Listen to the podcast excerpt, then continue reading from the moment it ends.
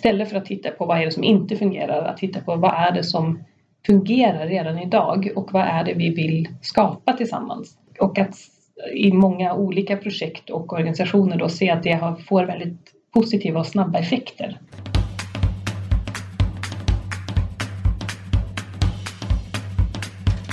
Hej och välkommen till podcasten Art of Collaborating som är producerad av Lenka. I den här poddserien samtalar vi, det vill säga Anna Singmark och jag, Caroline Bottheim, om intressanta böcker som kan bidra till våra förmågor i samverkan.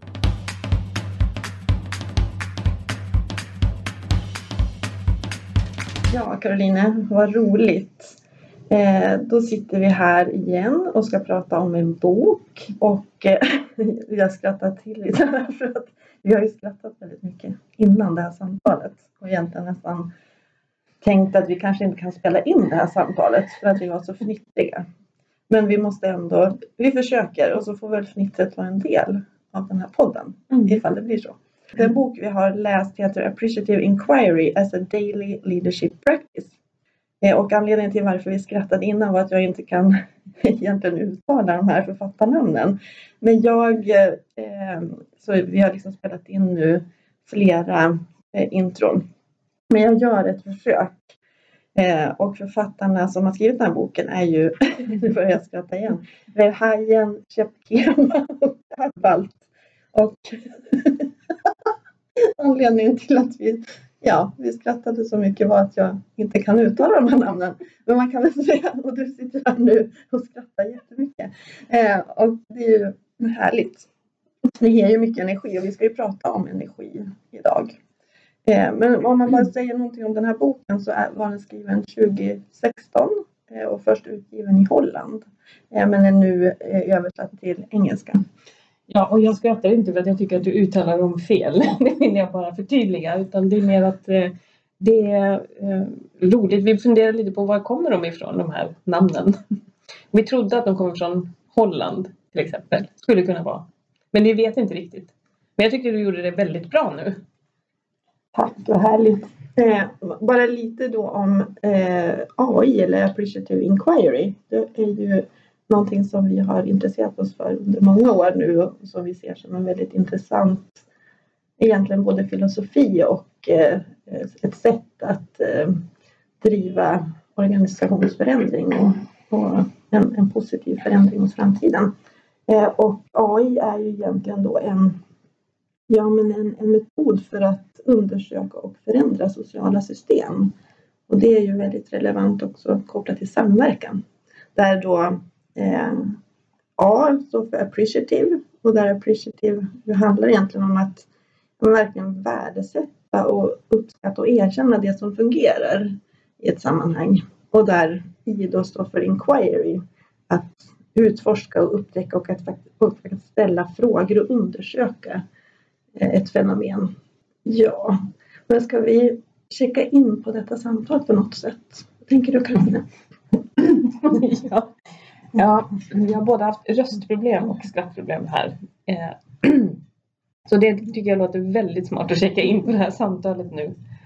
Eh, och ehm, ja, då antar jag att du vill att jag ska ställa en check-in-fråga. Och då tänker jag att Eh, vi kan hålla oss inom den här, eh, det här tankesättet lite och eh, fråga om jag frågar dig om du Ehm, minns du någon gång när du har kommit i kontakt med AI som metod där den här, det här perspektivet eller den här metoden möjliggjorde någonting som, ehm, som du kommer ihåg helt enkelt? Det kan vara en check-in-fråga. Ja, men eh, jag har ju flera exempel, men om jag tänker på ett exempel eh, så var det så att eh, som jag har tänkt tillbaka på efteråt, att jag var i en organisation där vi hade verksamhetsutvecklingsdagar.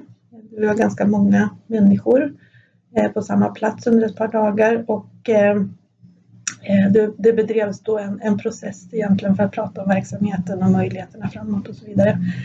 Eh, och sen så efter den här, de här två dagarna så, så levde den energin kvar i säkert ett år från de här två dagarna. Och den energin var liksom så eh, ja, men positiv och eh, det kändes som om hela organisationen på något sätt hade påverkats väldigt positivt av de här två dagarna.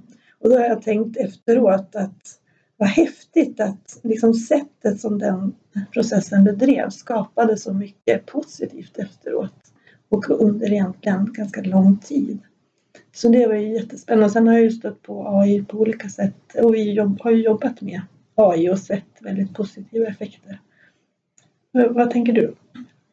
Om jag ska välja något, för jag har också, det är liksom, på något sätt känns det som att det är väldigt mycket en del av både hur vi jobbar och en del av väldigt många av våra uppdrag. Alltså, det är så eh, viktigt perspektiv, tänker jag, i det vi gör. Så att det är så svårt att hitta ett väl, eller jag har känt att ja, det är svårt att välja en situation liksom. Men, men det ska jag göra nu då. Så att då.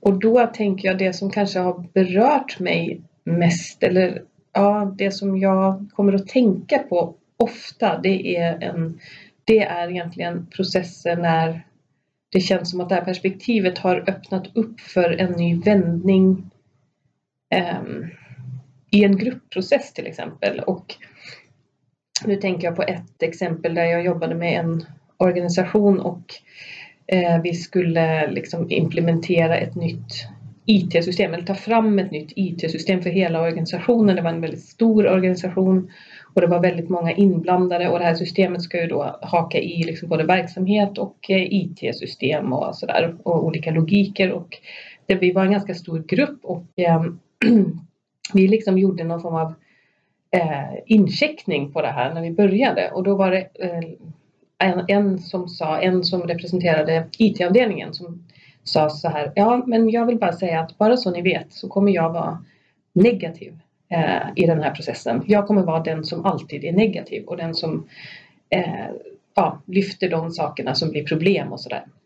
Och då märkte jag liksom på, på de andra att det var lite som att, eller jag fick en känsla av att ja, men det här verkar vara något som, som uppstår ofta, att den här personen säger så eller att, man, och att de andra liksom himlar med ögonen lite och bara, ja, typiskt liksom så jag reagerade också direkt på det och sa liksom, men vad bra att du säger det och vad är, för det är ju en, en, ett stort värde i det när man lyfter det som man kanske är orolig för eller det som man är rädd för. och sen efteråt så pratade jag med henne också och, eh, och var liksom ganska nyfiken på var det här perspektivet kommer ifrån som hon har. Och då kom det ju fram att hon har ju varit med om massa olika sådana projekt och processer där hon kände att eh, man lyssnar inte in vad det är som, eh, ja, det man behöver lyssna in för att skapa något eh, riktigt bra och så vidare. Och, och då blev ju eh, hon nästan den, min viktigaste eh, sparringpartner i det här projektet. För att ja, men hon sa det som det var och jag kunde lita väldigt mycket på att hennes liksom, eh, känsla för eh, om, om det är bra eller dåligt, att det är, en, ja, det, det är något viktigt i det perspektivet. Och den, att jag liksom tog eh, mig an den där situationen på det sättet. Jag hade ju också kunnat tänka så här, nej men okej, okay, en negativ människa, ja men det är ju bara jobbigt och nu ska vi se det positiva här och nu ska vi ha en positiv approach. Att just liksom bli intresserad när någon kommer med ett lite utmanande perspektiv eller liksom inte, eller negativ. Att det tycker jag är väldigt mycket AI för mig. Eller, och där finns ju det här citatet um, Behind every problem lies a frustrated dream and the dream came first. Ja, jag tycker att det perspektivet hjälper väldigt mycket när det blir alltså, motstånd i grupper eller i en människa när man känner att nu, vi har massa exempel på sådana situationer där det är liksom Kommer man åt det där och börjar intressera sig för det som ligger bakom och tro på också att alla människor drivs av drömmar egentligen och goda intentioner eh, och är engagerade eh, i sin natur för det de gör liksom, och vill göra ett bra jobb. Om man kan liksom påminna sig själv om det och, eh, och liksom, vad ska man säga, påminna en grupp om det också så skapar det väldigt positiva processer.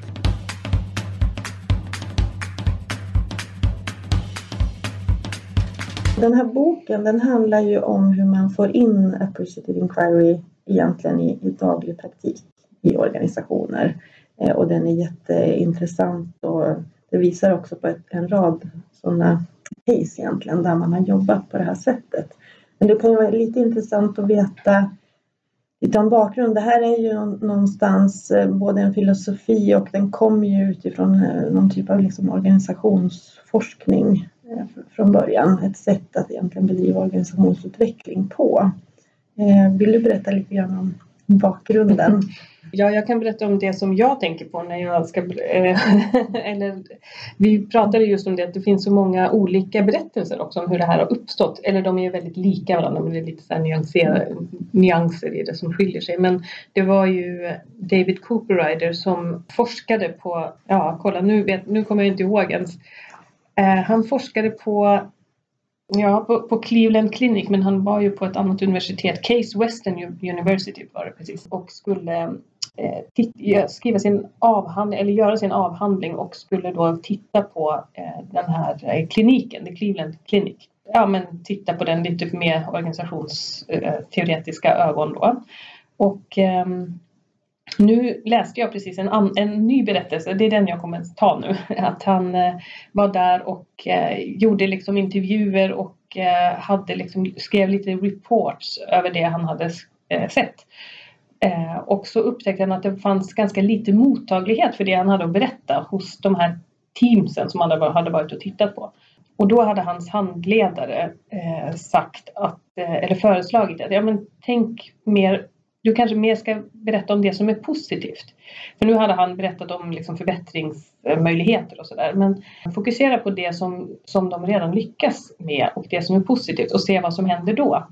Och då upptäckte eh, David Cooper att då blev de här människorna mycket mer intresserade av att höra mer och det liksom ledde till att de också var beredda att intervjua varandra om framgångsfaktorer och sådär. Så det blev väldigt tydligt att det skapade en helt annan energi att prata om det som redan fungerar eller det som de är bra på.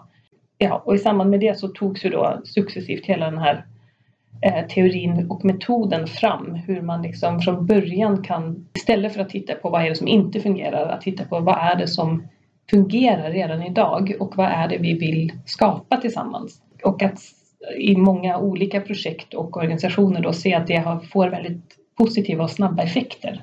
Ja precis, för det är någonstans väl en filosofi bakom att, att titta på det, liksom den positiva kärnan i oss människor och i våra sammanhang egentligen. Att verkligen rikta fokuset på det som, som fungerar och att locka fram det. Och det var väl det han gjorde då.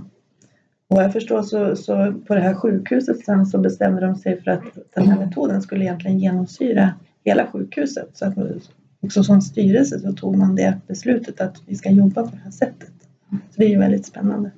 Vi brukar ju ibland prata om det här med liksom också skillnaden mellan att se på någonting på det här sättet och kanske vårt vana sätt att ta oss an en fråga. Det kan ju ibland vara så att vi utgår snarare från liksom att vi tittar på ett problem och vi analyserar ett problem och vi försöker liksom undersöka orsakerna. Vad, vad har orsakat det här problemet? Och att vi, vi går ofta in med den typen av approach. Ja, det har vi ju skapat en vana att göra kan man säga och det är väl också något, en approach som är ganska etablerad också inom eh, vetenskapliga discipliner och så. Och vi brukar ju ibland prata också om att det är ju en, ett tillvägagångssätt som är ganska gynnsamt när vi till exempel ska kolla vad som är fel med bilen eller så. Att eh, då får man ju leta efter problemet helt enkelt. Och sen så ser man vad problemet är och sen kan man byta ut kanske en del och sen funkar det igen. Liksom. Eller det finns en tendens att använda samma tankesätt också i sociala system som organisationer är. Ehm, och grupper och så. Att man liksom kan tänka att ja, men vi, vi har lite problem här, vi tar in en konsult som kommer och gör en analys och sen så skrivs en handlingsplan och sen så bara gör vi det som de säger.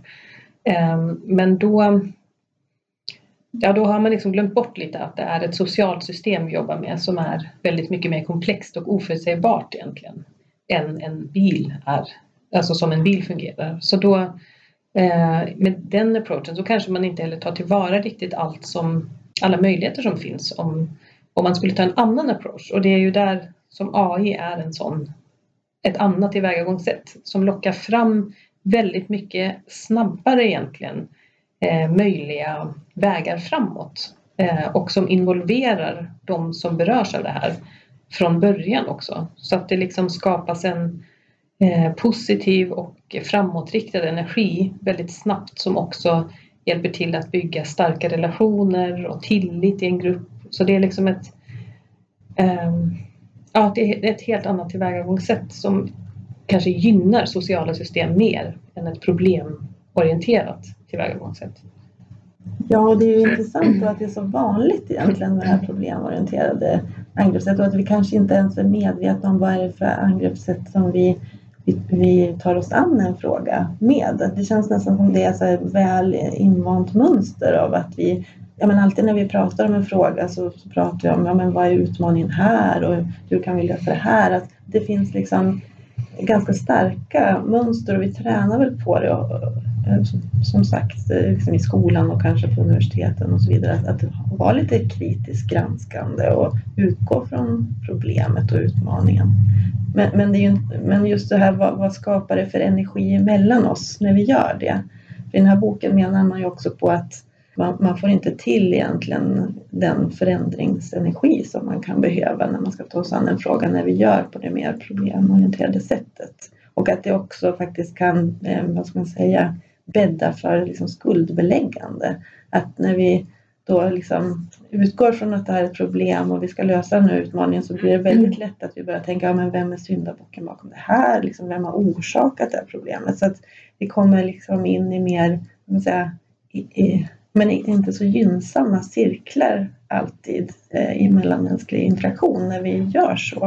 Eh, nu när du pratar om det här, vad som händer när vi går in i det problemorienterade så tänkte jag bara på att det låter som att du har liksom erfarenheter av det också. Eller, eller min fråga egentligen, vad är det, hur har AI påverkat dig tänker du efter att du började befatta dig med det? Alltså efter att du började läsa om det och liksom använda det som metod. Hur har det påverkat dig i samtal och på möten och i grupper och så? Eh, ja, men jättemycket. Eh, bara bli medveten om det första är väl någonstans liksom medvetenheten om att sättet vi ställer frågor på kopplat till en, en viss eh, frågeställning eller ett område eh, eller det vi ska prata om, att det verkligen påverkar eh, den mellanmänskliga eh, interaktionen och energin som skapas. Och det är ju oerhört kul också att vara i, i sammanhang där det skapas Eh, liksom positiv energi. Eh, så att det är ju både någonstans att jag sett att ja, men grupper kommer ju mera framåt av att använda den här typen av liksom, filosofi och metod. Eh, och sen är det ju också mycket roligare att själv vara en del av det, att skapa positiva sammanhang. Så att jag tycker att det är, det är verkligen en jätteintressant metod.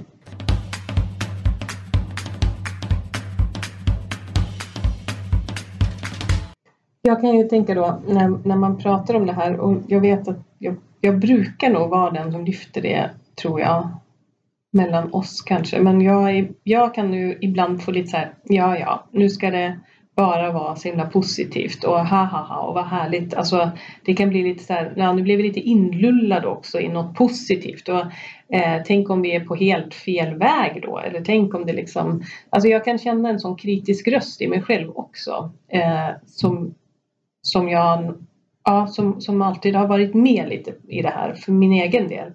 Även om jag eh, verkligen håller med om att det skapar något helt annat. Men jag, jag bara, nu bara tänker jag på att jag vet att vi har haft samtal ibland när jag har börjat, jag har sett något, eller det är viktigt för mig också att problematisera saker. Eller jag vill säga att det här är inte bra eller bla bla bla. Och då har du ibland kommit in med det här perspektivet. Jag vet att det har hänt flera gånger när du har liksom sagt okej, okay, kan vi prata om det här på ett annat sätt eller ska vi vad skulle kunna vara en AI-fråga på det här liksom och så där. Och det vänder ju alltid samtalet. Självklart. Och det blir liksom mycket lättare att hitta lösningar och, och väga framåt och det andra liksom löses upp lite, den här frustrationen kanske. Men det är någonting i det där som jag tror att som både jag kan känna men jag tror att det finns också i vårt samhälle eller i vårt eh, vad ska man säga, hos många, eh, att det kan finnas en lite så här, att man är lite misstänksam mot att vadå, kan det vara så här lätt? Eh, det måste vara något fel på det här liksom. Eller, och jag undrar var det kommer ifrån eller liksom om det är en del av att det är ett mönster vi har, att vi tror att vi måste ta ett mer problemorienterat eller kritiskt perspektiv också. Ja, det tror jag verkligen eftersom vi är så vana vid det. Men sen är det väl också det som vi brukar prata om, den här vikten av att om man faktiskt tycker att någonting är frustrerande eller jobbigt, att man också får säga det. Alltså att det finns utrymme också för det som inte fungerar innan man någonstans bryter samtalsmönstret och pratar på ett annat sätt med varandra. Så det är väl också viktigt. Det har vi ju mycket erfarenhet av att det går inte att inte släppa fram det som upplevs vara frustrerande.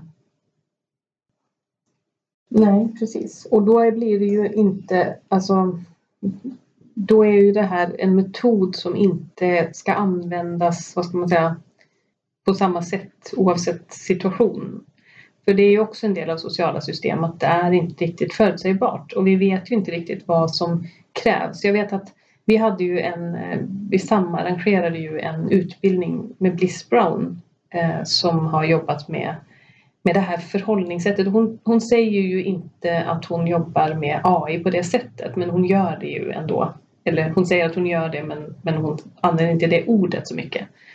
Eh, men hon har ju jobbat med eh, stora liksom, stadsutvecklingsförändringar i Chicago för länge sedan och som byggde väldigt mycket på det här tankesättet. Och, och, eller eller liksom den här metoden och det hon gjorde då, jag tycker att hon har en förmåga att på riktigt liksom komma åt både det frustrerande och det eh, kraften framåt på något sätt. Eh, och det är någonting också igen med hur vi tar oss an en fråga eller hur att det är något vi kan liksom, om vi går in med väldigt mycket respekt i en situation eller ser liksom människors eh, situation. Jag vet att hon, hon berättade om något projekt hon hade gjort med hemlösa tror jag. Liksom, vad är det man vill locka fram och vad, vilka samtal är det man liksom vill få till mellan de här människorna som berör alla väldigt starkt. Liksom. Och där tror jag att ja, då blundar man inte för det som är svårt heller.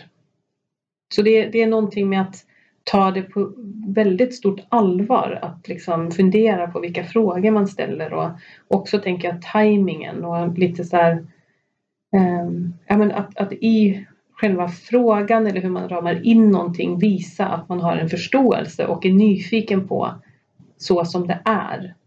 Jag vet att vi pratar ju mycket om erkännande som, som en blick som vi också behöver ha i AI väldigt mycket och som ju är en del av det.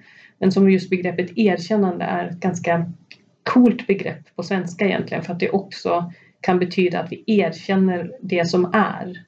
Att liksom inte låtsas att det är på något annat sätt eller ja, förstår du vad jag menar? Att man liksom på något sätt också behöver vara i det som är eh, samtidigt som man vill ta rikta blicken framåt. Men det är liksom en, det är lite en konst det där tror jag. Ja, verkligen. Ska vi, ska vi gå in på lite, jag tänker vi har inte riktigt pratat om uh, hur byggs sådana här processer upp eller liksom vad är, vad är liksom komponenterna ofta i en AI-process?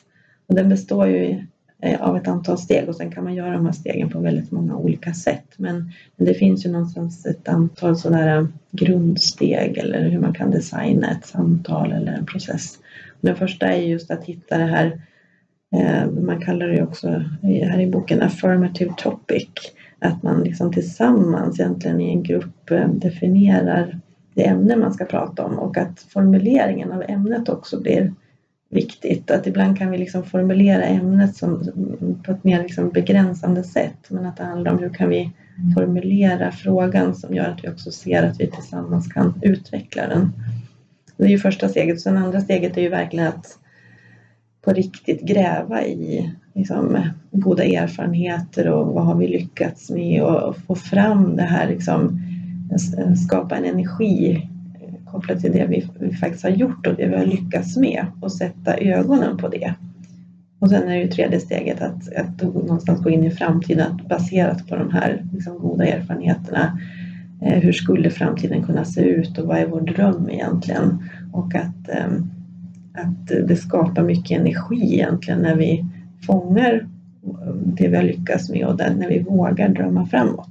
Och sen handlar det de andra stegen om liksom att ja, men utifrån den här drömmen, vad, hur skulle vi kunna designa nästa steg och hur skulle vi kunna forma oss tillsammans för att åstadkomma någonting.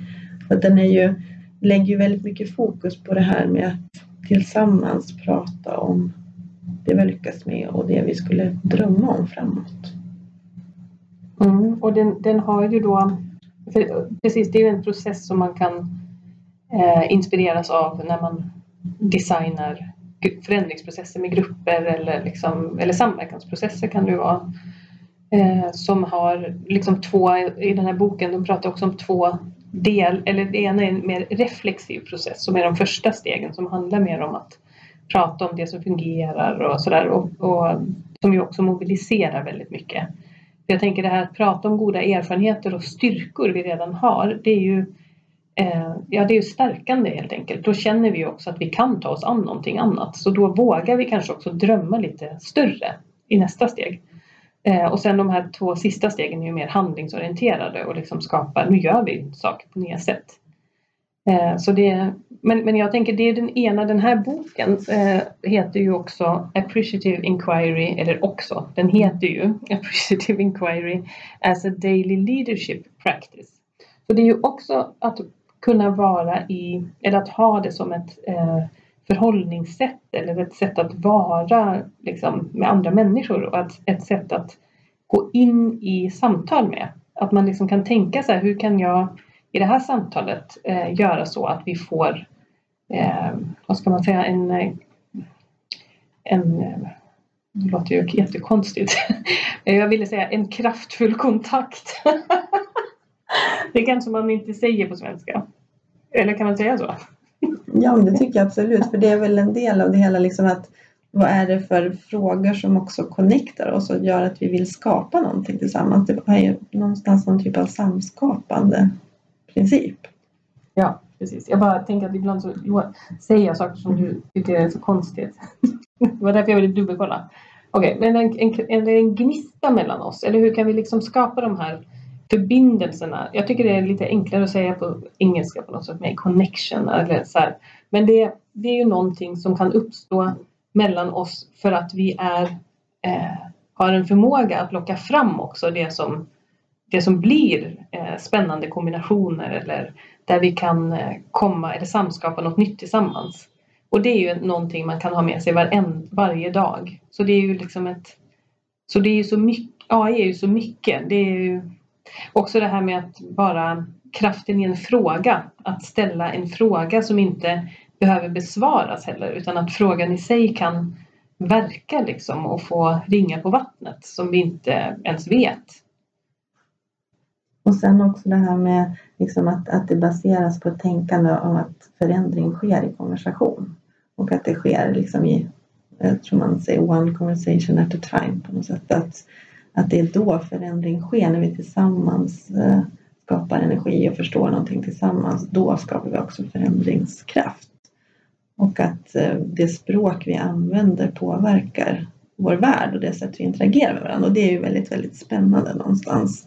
Mm. Eh, att att liksom, vi kan sitta där och prata om en fråga och sättet som vi pratar om den frågan på och det språk vi pratar om den frågan på kan påverka frågan i väldigt många olika riktningar. Det tycker jag nästan är en av de mest spännande grejerna. Att, att vi har ett val någonstans där när vi ska ta oss an en fråga. Hur ska vi prata om den här frågan? Ja, precis. Vi har ett val, hur ska vi prata om den? Och vi har också ett val, vad väljer jag att fokusera på? Eh, till exempel i den här andra människan eller i den här gruppen? Väljer jag att fokusera på allt det där som, som eh, alla de berättelserna om det som inte fungerar eller väljer jag att fokusera på det som faktiskt fungerar?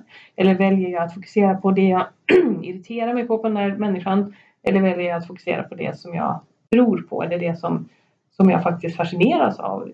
För det, för det är också så att vi vi är ju bara människor liksom och eh, konfronteras hela tiden också med de där känslorna och eh, upplevelserna som inte är så fantastiska och fina. Liksom.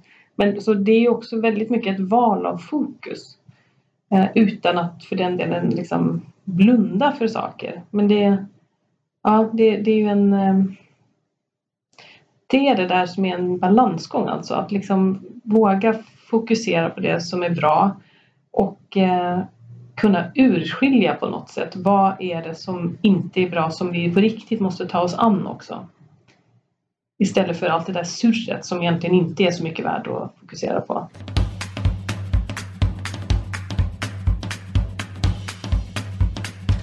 Ja, men eh, jag tänker att det verkligen kan hjälpa till och vi har ju sett det i många sammanhang också att det kan vara så att eh, vi har pratat om en fråga på ett visst sätt till exempel. Eh, suttit i en rad möten och pratat om utmaningarna med att komma framåt i den här frågan och det kan nästan ibland bli lite stagnerande också. Men bara genom att ja, ställa frågor på ett annat sätt eller liksom locka fram det jag tror just det här med att locka fram det man har lyckats med, det är väl någonstans en nyckel i det här. För det är vi inte så vana vid och det, det kräver lite av oss att locka fram det vi har lyckats med också.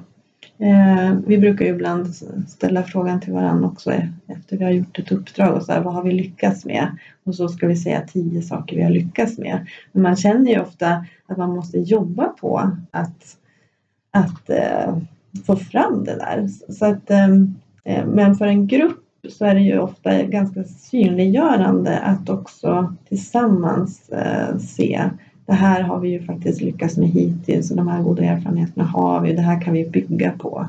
Så jag, jag tänker att det här angreppssättet och med det som du också var inne på att man, att man också tittar på det som inte fungerar, att det kan verkligen eh, hjälpa framåt. Vad tänker du? Ja, men jag tänker om man skulle liksom säga så här, vad möjliggör det här perspektivet? Vad är det som, som då blir möjligt som inte var möjligt innan? Och då tänker jag att eh, när man då gör så här så kan det som blir möjligt kan vara att man ser styrkor i varandra helt plötsligt som man inte såg innan. Eh, att man eh, får en framtidstro, ett hopp helt plötsligt. Man får eh, eh glädje och energi och det känns helt plötsligt eh, härligt att vara på det här mötet eller det känns kul att vara på jobbet eller eh, ja, eh, man uppskattar liksom eh, sina kollegor mer kanske. Och kanske också att man, det möjliggör en större medvetenhet kring vikten av våra relationer och, och tillit mellan oss. Att det liksom blir så tydligt att vi är inte isolerade eller vi, vi kan inte det är så kraftfullt och fint att vi är så connectade som vi är på något sätt. Det blir ju så synligt då. Eh, och när vi kan eh, hjälpas åt liksom att komma framåt i en fråga och känner den energin. Att vara tillsammans i ett utforskande eller liksom känna att eh, här, får, ja, men här får vi leka lite och eh, testa saker och testa tankar och Eh, för, det möjliggör ju ett utforskande eh, gemensamt tankesätt och väldigt mycket nyfikenhet egentligen. Så att eh, så jag tänker det här är ju en del, man skulle kunna kalla det för innovationsledning typ. Om man skulle kalla det för något annat. Ja, verkligen. Och jag tänker bara, vi brukar ju prata om det här med att liksom, ta ett metaperspektiv på kommunikationen. Att bara att kunna välja i olika situationer Eh, vilket perspektiv ska vi nu ta på den här liksom, konversationen mm. och på vilket sätt ska vi prata om det? Bara, den, eh, bara att göra det kan ju också bryta mönster och vi kan komma framåt i en fråga. Det kanske inte är så att vi varenda möte ska liksom, prata på det här sättet men vi kan liksom välja Eh, Eh, medvetet så här, att nej men nu känns det som att eh, nu har vi suttit på ett antal möten här och vi, det känns inte som vi får någon energi i frågan, det känns inte som vi kommer framåt. Skulle vi kunna prata om den här frågan på ett annat sätt, då kan ju också AI vara liksom ganska medvetet val av att ja, men, vi, vi byter fokus här lite och pratar om den här frågan lite annorlunda och ser vad som händer då. Ja, och då är vi ju inne på en av de här principerna för AI som är den socialkonstruktionistiska principen. Och det handlar ju om att vi, det är, ut, det är ett tankesätt som utgår ifrån att vi skapar vår värld genom sättet vi pratar om den på. Och det är ju ganska, det har vi ju sagt att vi måste göra ett eget, eh, det måste vi prata om i någon annan podd bara om det, för det är ju så kraftfullt perspektiv. Och eh, helt annorlunda än det vi är vana vid Eh, i vår vardag, tänker jag. Där vi tror att det finns en verklighet som är väldigt separerad från det sättet vi pratar om den på. Vi ser inte den kopplingen riktigt. Men det är ju det som blir väldigt tydligt i AI att börjar vi prata om någonting på ett nytt sätt och på ett framåtriktat och det här kraftfulla sättet så, så skapar vi nya, ny framtid tillsammans redan nu. Liksom. Vi skapar det i processen att samtala om den. Det är ju väldigt intressant om man tänker många av de här samhällsutmaningarna och komplexiteten som finns idag. Och om man då funderar på ja, men allt från eh, klimatfrågan till pandemin till ja, men alla de här eh, frågorna som är svåra för mänskligheten att hantera. Eh, hur pratar vi om de frågorna? Alltså, hur, hur driver vi utvecklingen framåt också utifrån ett samhällsperspektiv? Det, det är också väldigt spännande tycker jag.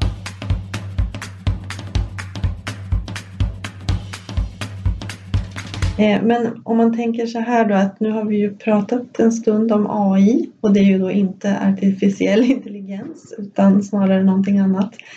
Eh, om vi skulle eh, avsluta det här samtalet. Vad tänker du? Vad lyckades vi med i det här samtalet? Ja, men jag tycker att vi lyckades både få igång våra röster lite. Vi harklade inte så mycket som vi gjorde innan vi skulle börja. Vi lyckades eh, vara både glada och eh, lite allvarliga. Eh, vi lyckades ehm, skapa en energi mellan oss. Vi lyckades komma åt viktiga delar av AI, tänker jag. Vad tänker du att vi lyckades med?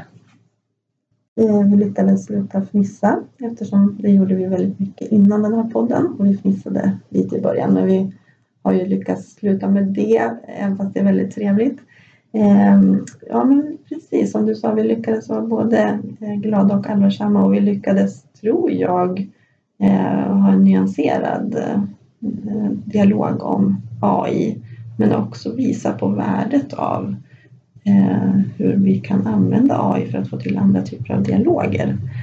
Så att jag känner mig väldigt inspirerad att fortsätta detta utforskande. Vad har du blivit mer nyfiken på då? Jag har blivit mer nyfiken på Ja, men dels så skulle man kunna få in liksom det här tänket bredare i samhället och så tänka på de här liksom sättet vi tar oss an komplexa frågor på. Eh, hur skulle vi kunna fundera över dem, på vilket sätt vi pratar om dem? Jag är jättenyfiken på att utforska detta vidare. Vad säger du? Faktiskt så är jag lite nyfiken på nu ehm, eftersom jag läste om det i någon, ehm, något typ så här policydokument att det var en formulering om en vision om en blomstrande framtid. Och då tänkte jag väldigt mycket på det, för det är ett ganska ovanligt begrepp liksom, att använda i de här byråkratiska dokumenten.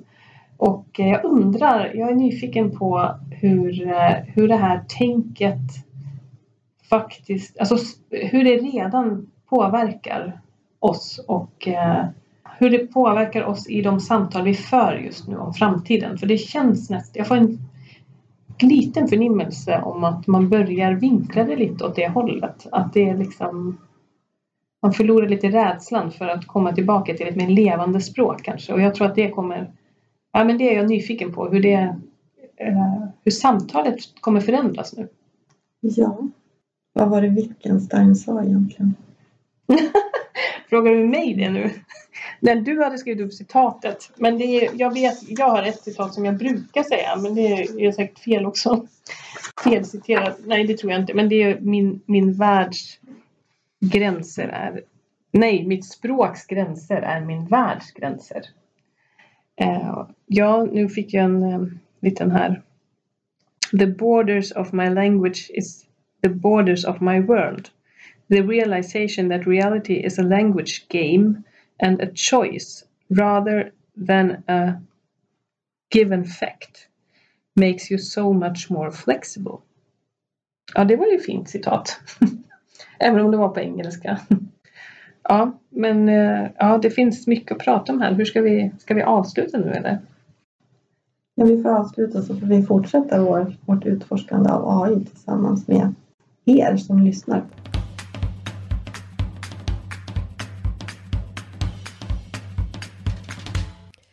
För att du har lyssnat.